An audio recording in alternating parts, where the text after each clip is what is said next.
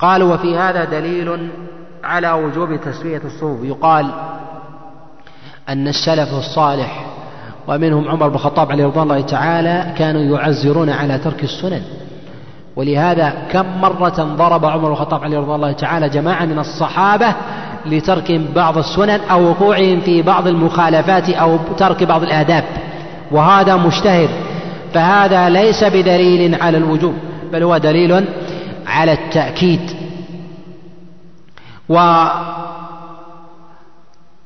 والواجب على الإنسان الإتيان بالصلوات في وقتها والسنة أن يأتي بها في أول وقتها بالاتفاق إلا صلاة العشاء عند الجماهير.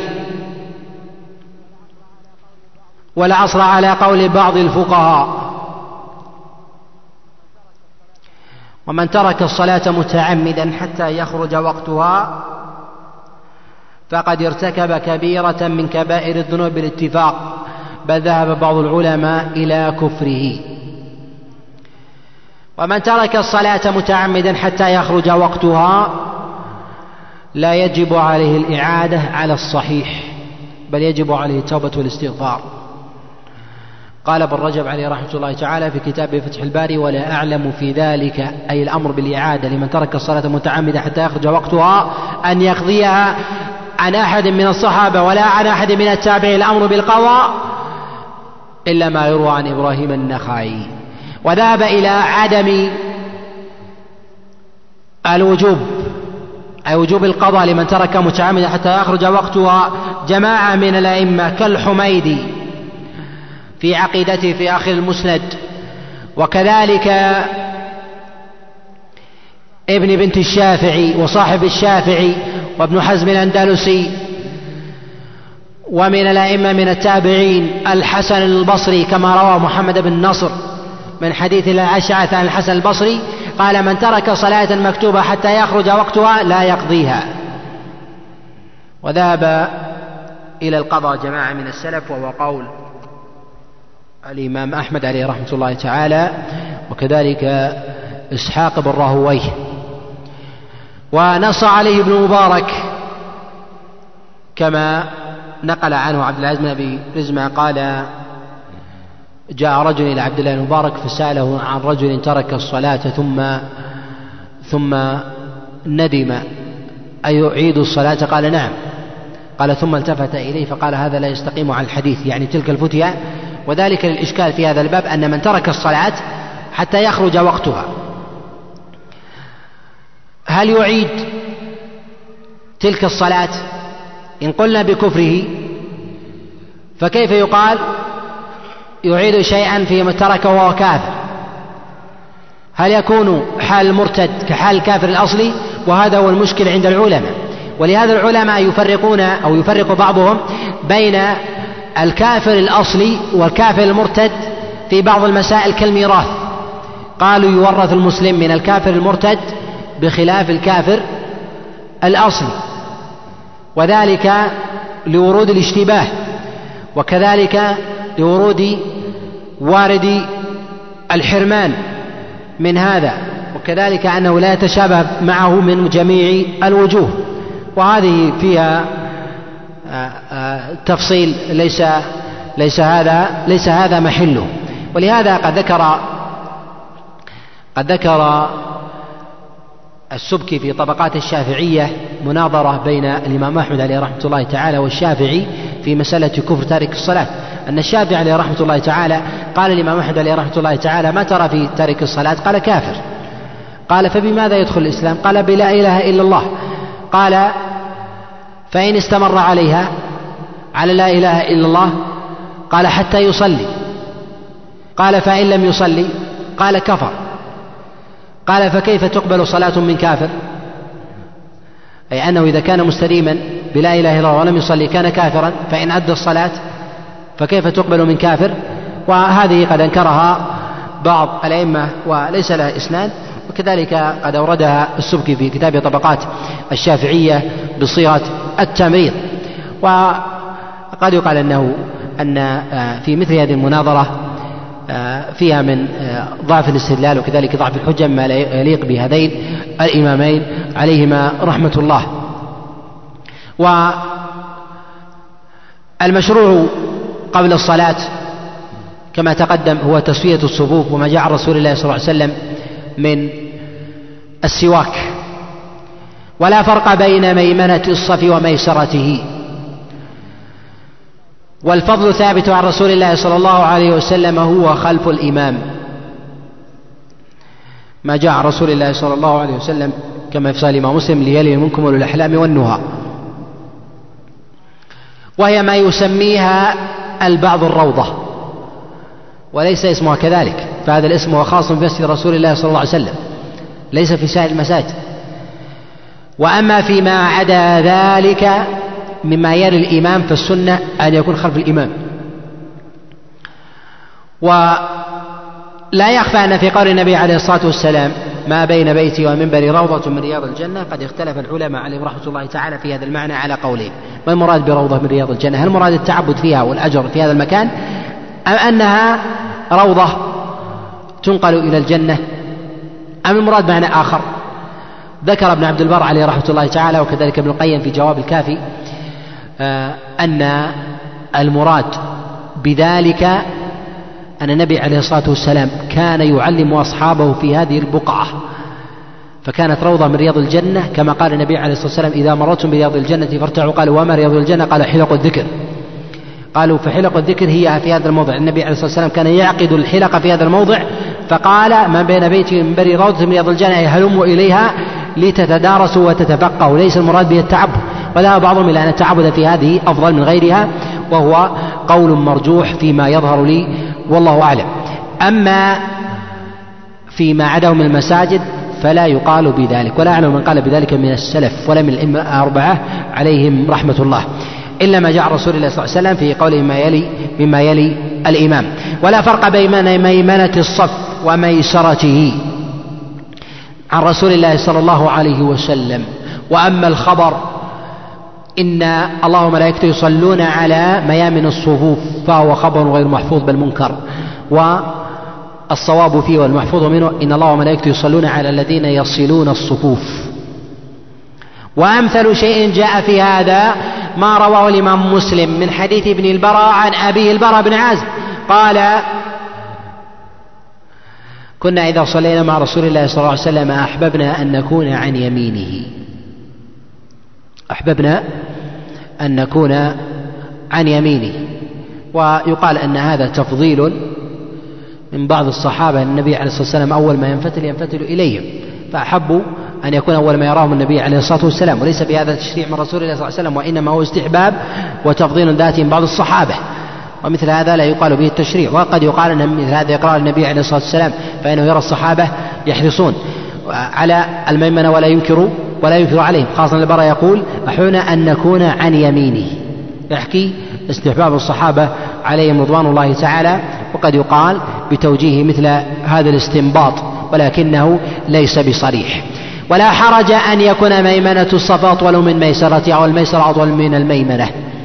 وأما ما رواه أبو داود من حديث أبي هريرة وسط الإمام ففي إسناده مجهولان ولكنه لا يبتدئ الصف الثاني إلا وقد اكتمل الأول. وقد اختلف العلماء في ميمنة الصف الثاني أي أيوة أفضل هي ميسرة الأول والصواب أن الصف الأول أفضل من الثاني. لما جاء النص عن رسول الله صلى الله عليه وسلم. وأما الميمنة كما تقدم لا يثبت فيها شيء عن رسول الله صلى الله عليه وسلم صراحة. وقد ذهب إلى تفضيل الميمنة للصف المتأخر عن ميسرة المتقدم. بعض الفقهاء من الحنابلة والحنفية وغيرهم. وذهب الإمام مالك عليه رحمة الله تعالى إلى هنا من يثبت عن رسول الله صلى الله عليه وسلم في آه، فضل ميمنة الصف شيء. وأن الأفضل هو الدنو الدنو من الإمام. والأفضل من جاء مبكرا على من صلى في الصف الأول. من حجز مكانه ولم يبكر أفضل منه من بكر. وقد تكلم على مثال هذه المسألة السيوطي عليه رحمة الله تعالى في رسالة له سماها بسط الكف في تسوية في تسوية الصف وذكر في آه، مسائل تسوية الصف أقوال الأئمة عليهم رحمة الله تعالى كثيرة يطول ذكرها. والواجب في مثل هذه الحال استحضار النية.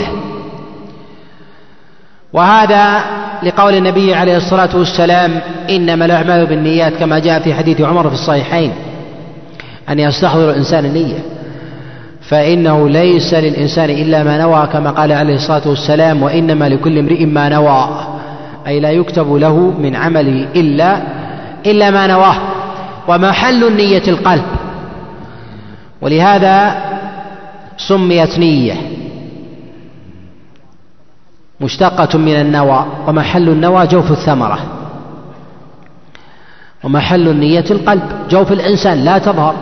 فإن ظهرت ما سميت نية ولا معنى لتسميتها نية. ولا يشرع الجهر بها والجهر بها بدعة.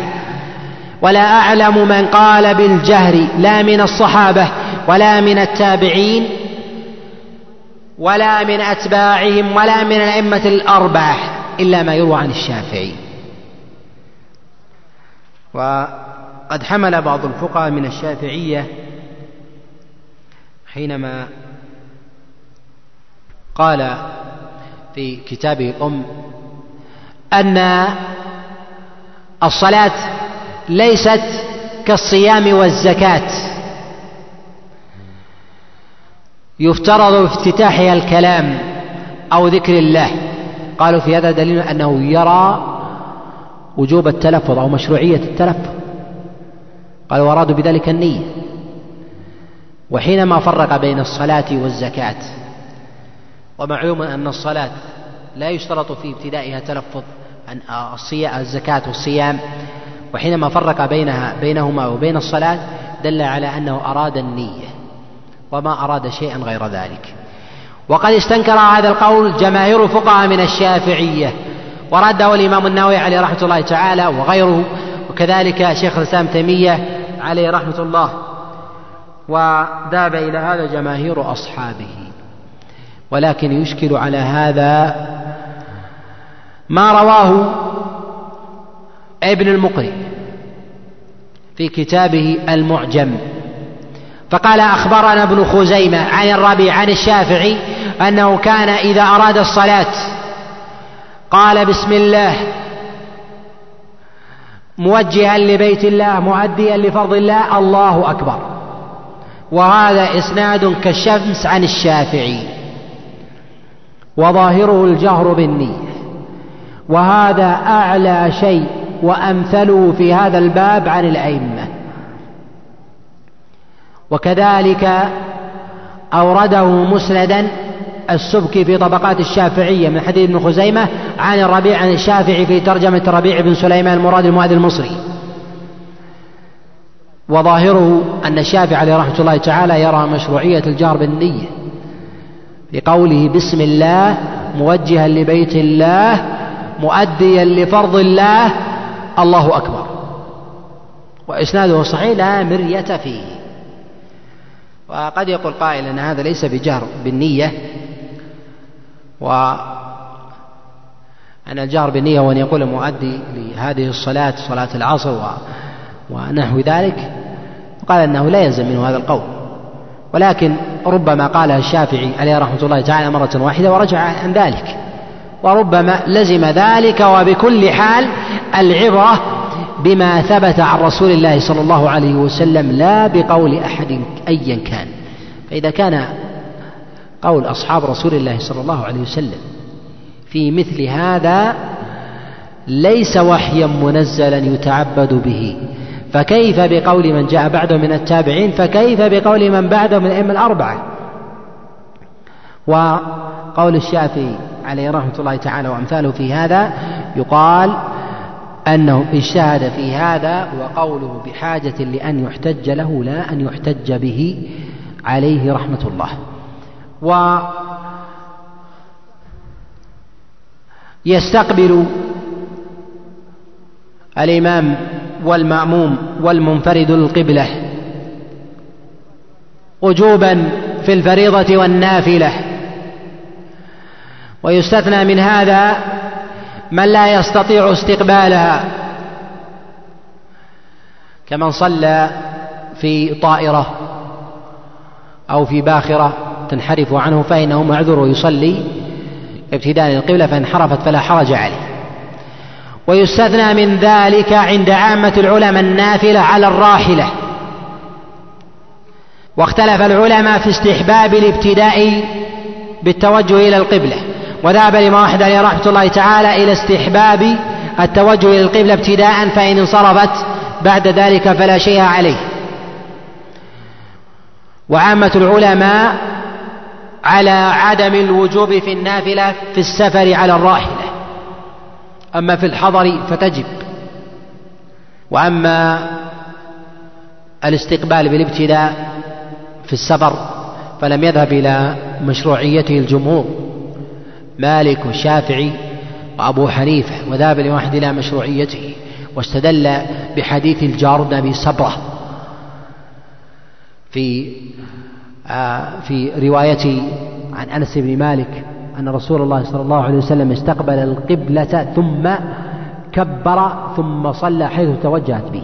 وهذا الحديث تفرد به الجارود.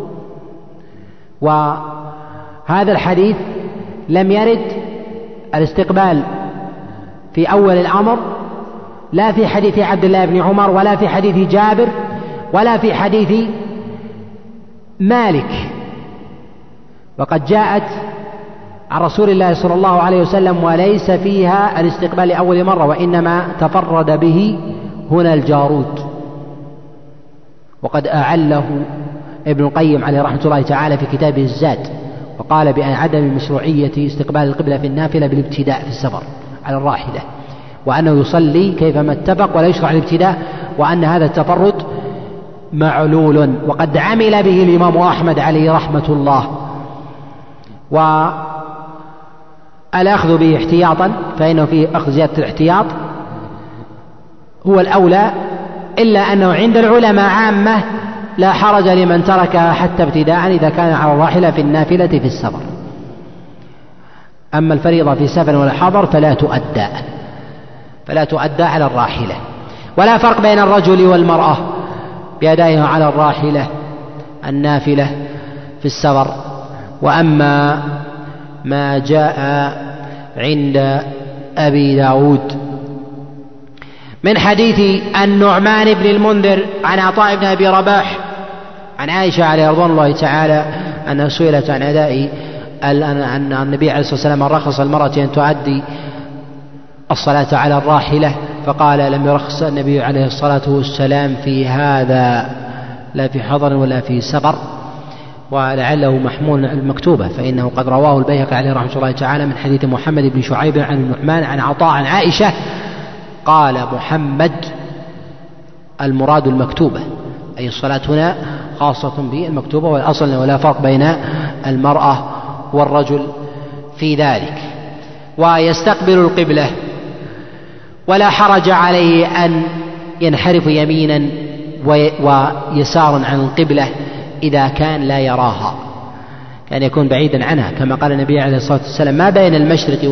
والمغرب قبلة. ولا حرج عليه أن ينحرف يمين ويسار ولا يشدد في هذا عند جماهير أهل العلم ولا يشترط التصويب. فإن حرف يسارا أو يمينا فلا حرج عليه وعليه يعلم أن تكلف بعض الناس في هذا بالتصويب وإعادة الصلاة لأجل انحراف يسيرا أو التكلف بهدم المساجد والمحاريب لانحرافها درجة يسيرة ونحو ذلك والمسجد في أقصى الدنيا ونحو هذا أن هذا فيه تكلف. لا يأتي به الشرع ولذلك النبي عليه الصلاة والسلام قال لأهل المدينة ما بين المشرق والمغرب قبلة. وهذا يدل على أن الأمر متسع. أما إذا كان يرى الكعبة فإنه يجب التصويب بالاتفاق أن يصوب عليها ولا نحرف يمينا ولا شمالا. وذهب بعضهم قلة إلى وجوب التصويب. وقال النبي عليه الصلاة والسلام ما بين المشرق والمغرب قبلة يدل على عدم الوجوب وأن أمر الساعة وأنه يصلي إلى إلى جهتها. ويكبر ويقول الله أكبر ويرفع يديه. وهذه التكبيرة هي تكبيرة الإحرام. وتكبيرة الإحرام ركن بالاتفاق. ولا تنعقد الصلاة إلا إلا بهذه التكبيرة. على هذه الصيغة الله أكبر. فإذا قالها بغير صيغة كان يقول الله الأكبر أو الله الأعظم أو الله الأجل فلا تصح عند عامة العلماء خلافا للحنفية الذين قالوا بانعقادها. وهذه هذه التكبيرة بها يحرم على المصلي ما كان مباحا له قبل ذلك. ولهذا جاء في المسند والسنن من حديث عبد الله بن محمد بن عقيل عن محمد الحنفية عن علي بن أبي طالب أن النبي عليه الصلاة والسلام قال تحريمها التكبير وتحليلها التسليم. تحريمها أي أنه يحرم عليه ما كان حلا له قبل ذلك. وعليه فلا حاجة أن يبحث الإنسان دليلا على حرمة فعل في الصلاة. وعليه يقال أنه تسكن جوارحه ولا يفعل إلا ما فيه دليل ويمسك عما هو عما لا دليل عليه فإنه يحرم عليه. ولهذا قال تحريمها أي يحرم عليه أن يفعل شيئا غير ذلك. ولهذا لا يوجد دليل عن النبي عليه الصلاة والسلام بالنص على تحريم الأكل في الصلاة. فهل يقول قائل أنه يجوز لإنسان أن يأكل في الصلاة أنه لم يرد دليل عن النبي عليه الصلاة والسلام هذا دليل عام. يعم كل شيء أكل أو انحراف أو كلام أو غير ذلك فكله محرم. وإلا ما دل عليه الدليل. مما دل عليه الدليل بالنص في هذه العبادة أو دل عليه الدليل بالعموم. في هذه العبادة بذاتها كقراءة الفاتحة وقراءة سورة والتلفظ بالذكر فإن هذه ألفاظ وأفعال دل عليها الدليل. وما دل عليه الدليل بالعموم من غير خصوص كرد السلام على قول. أو إجابة المؤذن حال سماعه على قول. قال بعض الفقهاء ورجحه الشيخ الإسلام تيمية عليه رحمة الله تعالى في الاختيارات أن المؤذن إذا أذن وكان حوله من يصلي أنه يردد معه لا حرج عليه. وهذا قول له وجه له وجه من النظر. فمن قال بهذا القول كشيخ الاسلام تيمية فإنه أخذ بالعموم. النبي عليه الصلاة والسلام قال إذا سمعتم المؤذن فقولوا مثل ما يقول. وعليه حمل بعضهم الاستحباب برد السلام. ولم يثبت عن رسول الله صلى الله عليه وسلم رد السلام في الصلاة. لا لفظا ولا إشارة. وما جاء في هذا الباب فكله معلول. وقد صح بعض المتأخرين ولا يصح منه شيء. ولكنه قد ثبت عن بعض السلف. حتى بالغ بعضهم وروي عن عبد الله بن عباس أنه سلم عليه رجل رجل فمد يده فصافحه وهو يصلي وإسناده صحيح عنه. ولكن يقال أن مثل هذا نحتاج إلى خبر مرفوع والأصل في الوقف والأصل في مثل هذا الوقف في العبادات حتى يثبت الدليل. ومثل هذا يقال أن من فعله وخلاف الأولى ولكنه لا يبدع لوجود لوجود سلف سبق في هذا. ويرفع يديه ورفع اليدين هنا سنة. وهو آكد مما جاء بعدها. من من المواضع التي يرفع فيها اليدين ويأتي الكلام عليها بتفصيلها بإذن الله. ويرفع يديه حذو منكبيه أو حذو أذنيه أطراف أذنيه أو حتى يحاذي شحمة أذنيه. وكل هذا ثابت عن رسول الله صلى الله عليه وسلم في الصحيح. جاء من حديث عبد الله بن عمر ومن حديث مالك وغيرهما. وجاء أيضا من حديث وائل بن حجر في السنن وغيرها. واستقبال القبلة باليدين عند التكبير لا يثبت فيه شيء عن رسول الله صلى الله عليه وسلم. وأما ما رواه الطبراني في الأوسط من حديث عبد الله بن عمر مرفوعا إذا كبر أحدكم فليستقبل بيديه القبلة فإن الله أمامه. فخبر منكر تفرد به عمير بن عمران ولا يحتج به. لكنه قد ثبت عن عبد الله بن عمر أنه كان يستقبل بيديه القبلة. كما رواه ابن سعد في طبقاته من حديث محمد بن يحيى بن حبان عن عمه عن عبد الله بن عمر عليه رضوان الله تعالى أنه كان إذا كبر استحب أن يستقبل بإبهاميه القبلة. وإسناده صحيح عبد الله بن عمر. وهذا أمثل شيء في استقبال اليدين القبلة عند رفعهما في الصلاة. ولا ولا يثبت في هذا الشيء. عن النبي عليه الصلاة والسلام ولا ولم يرد في هذا شيء عن الصحابة عليهم رضوان الله تعالى. وأما ما رواه النسائي من حديث وائل بن حجر. أن النبي عليه الصلاة والسلام رفع يديه حتى حاذ بهما أذنيه في الموضع الذي يستقبل بهما القبلة فهو خبر لا يصح. أيضا وأمثل شيء في هذا كما تقدم هو الموقوف على عبد الله بن عمر.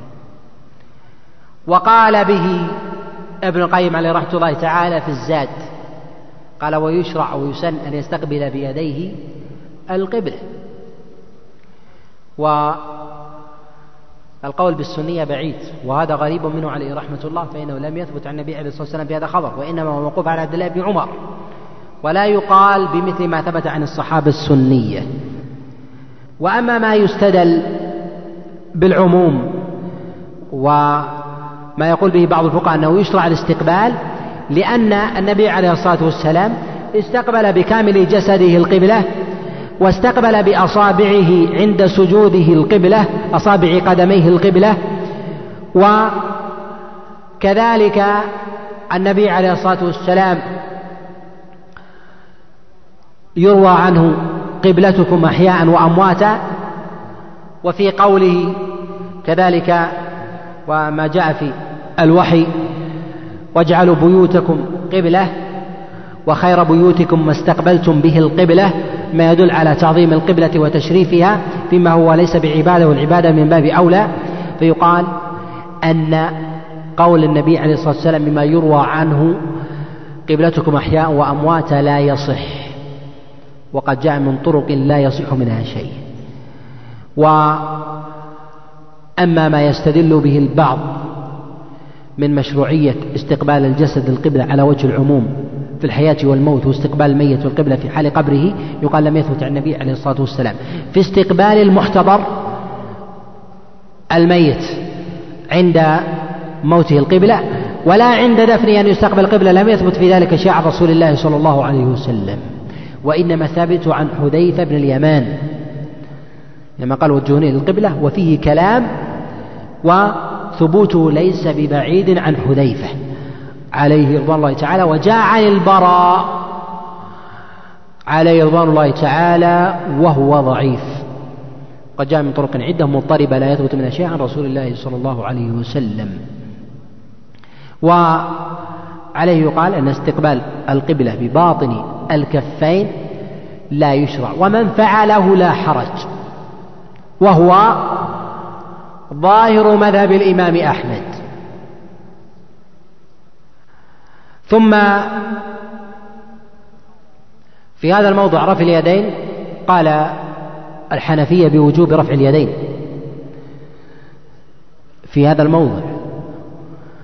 والجماهير على أنه سنة فعل النبي عليه الصلاة والسلام على السنية. و غاية ما يدل عليه السني وأما قوله عليه الصلاة والسلام صلوا كما رأيتموني أصلي. والنبي عليه الصلاة والسلام قد داوم على الرفع. فهل يقال بالوجوب؟ قال لا يقال بالوجوب. فإن النبي عليه الصلاة والسلام قد فعل أفعال عدة في صلاته ولا نقول بوجوبها مع أنه عليه الصلاة والسلام قد داوم عليها كالتورك والافتراش. وكذلك الإشارة بالإصبع جاء فيها حديث كثيرة. كذلك القبض قبض اليدين. جاء رسول الله صلى الله عليه وسلم فيه أحاديث ولا نقول بوجوبها.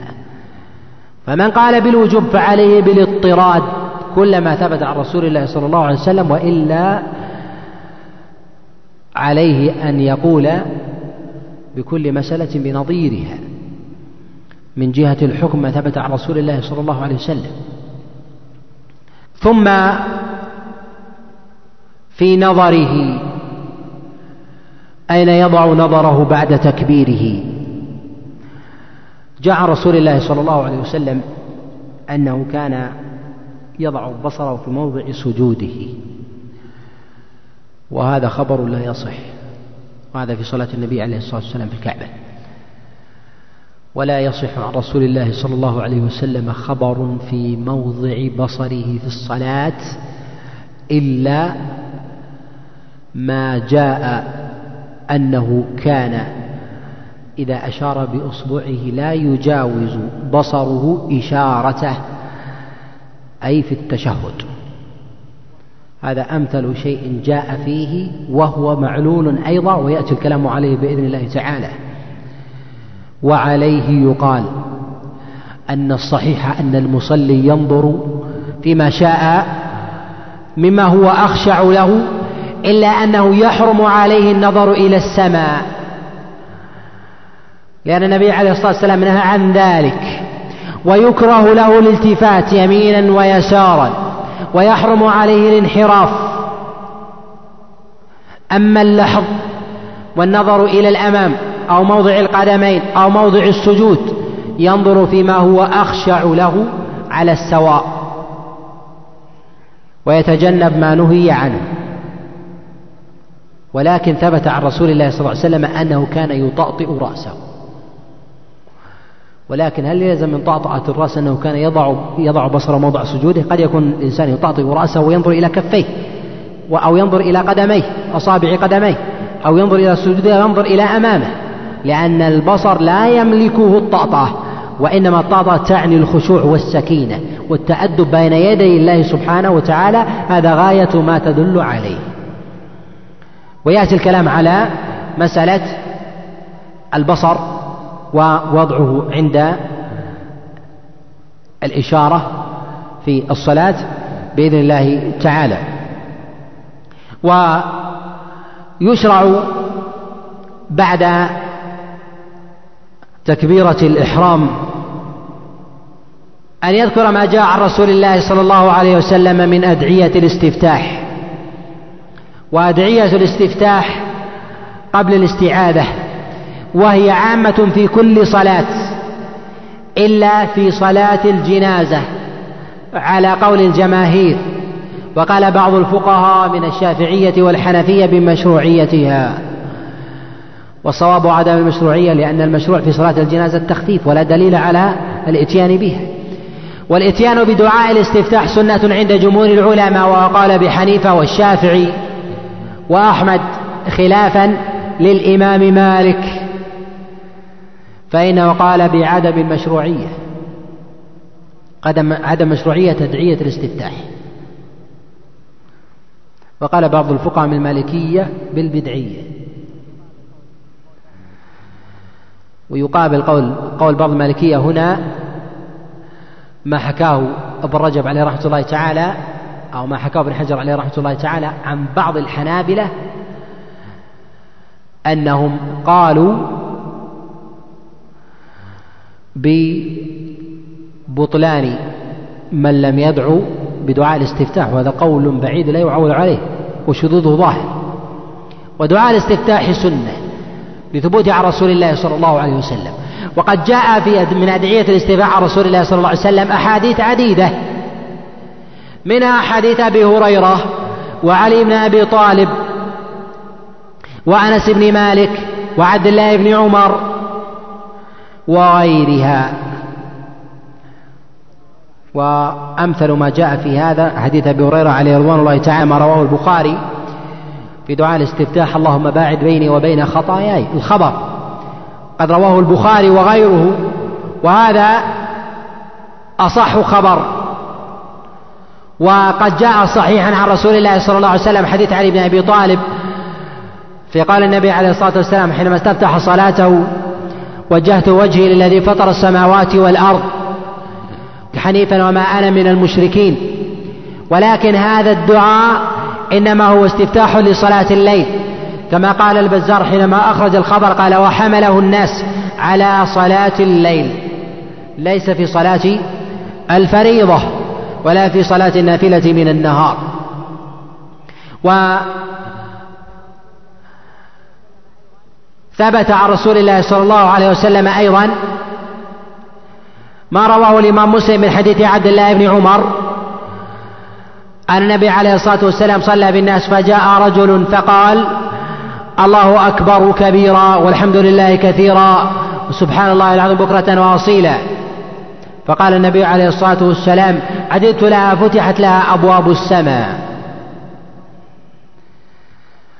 وهذا ثابت من حديث عبد الله بن عمر عند الإمام مسلم. وكذلك حديث أنس بن مالك فيما رواه الإمام مسلم النبي عليه الصلاة والسلام صلى بالناس فجاء رجل قد حفزه النفس. فقال هذا الرجل الحمد لله حمدا كثيرا مباركا فيه. قال النبي عليه الصلاة والسلام من قال هذا القول فقال أنا قال رأيت اثني عشر من الملائكة يبتدرونها أيهم يرفعها. وجاء في هذا أيضا حديث عائشة عليه رضوان الله تعالى فيما جاء في السنن حديث عمرو عن عائشة عليه رضوان الله تعالى أن النبي عليه الصلاة والسلام كان يستفتح في صلاة بقوله سبحانك الله وبحمدك تبارك اسمك. وهذا الخبر لا يصح مرفوعا إلى رسول الله صلى الله عليه وسلم. قال ابن خزيمة في الصحيح وأما ما يقوله العامة من أهل خراسان من الاستفتاح في الصلاة سبحانك الله وبحمدك فلا يثبت عن رسول الله صلى الله عليه وسلم عند أهل المعرفة في الحديث لكنه ثابت عن عمر بن الخطاب. قد أخرجه الإمام مسلم عليه رحمة الله تعالى في صحيحه. وثبت عن عمر وابن مسعود وروي عن أبي بكر وعثمان.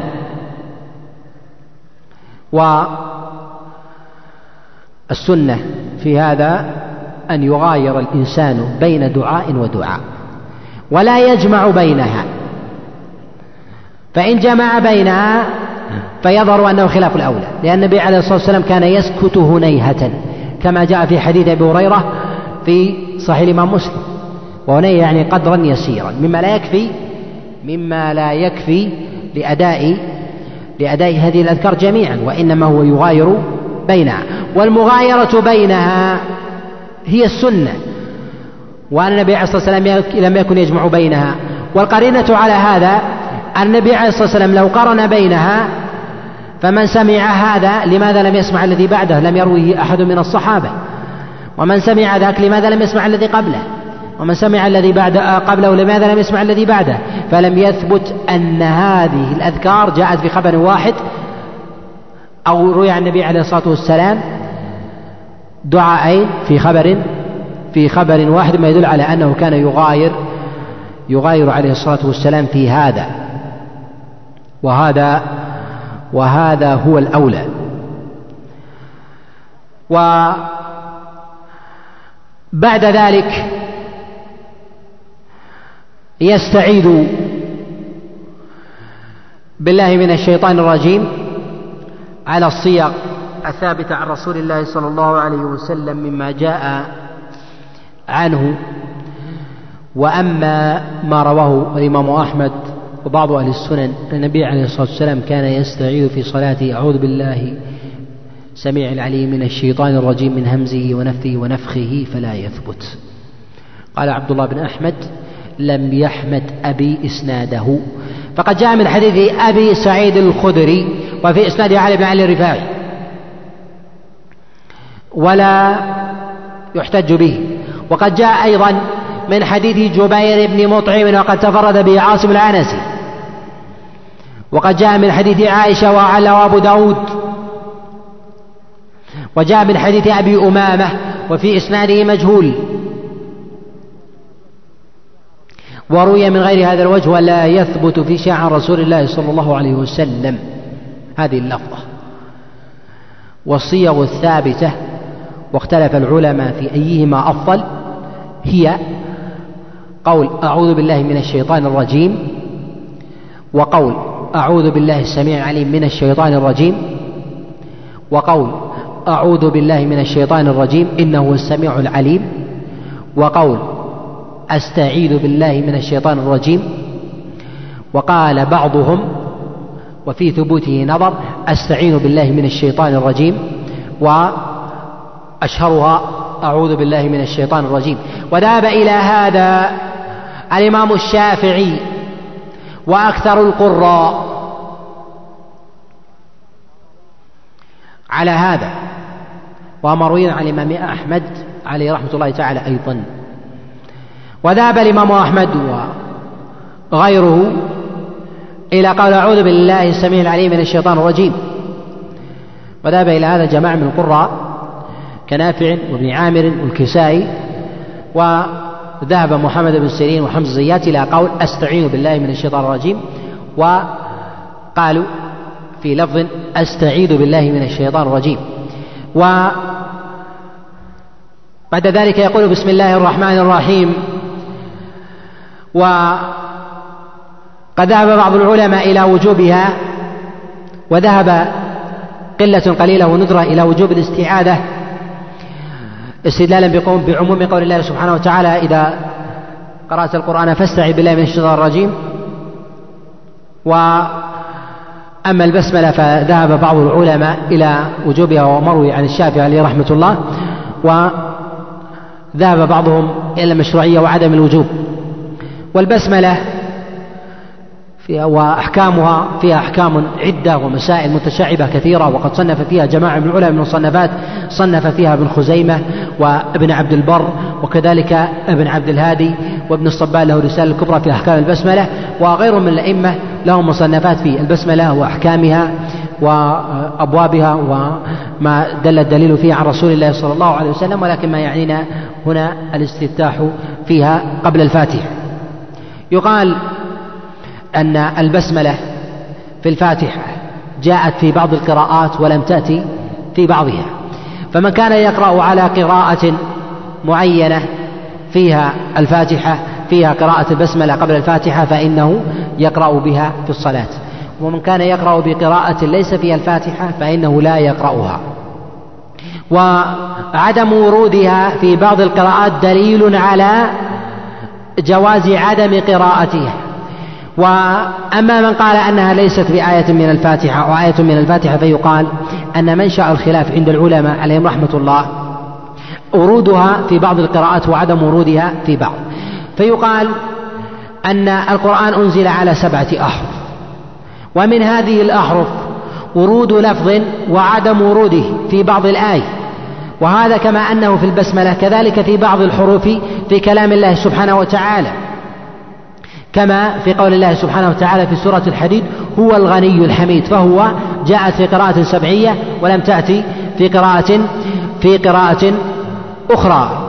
وكذلك في قول الله سبحانه وتعالى في لم يتسنه في الهاء جاءت بقراءة سبعية ذكر الهاء ولم يأتي بذكر الهاء وكلها صحيحة بالحذف والإثبات.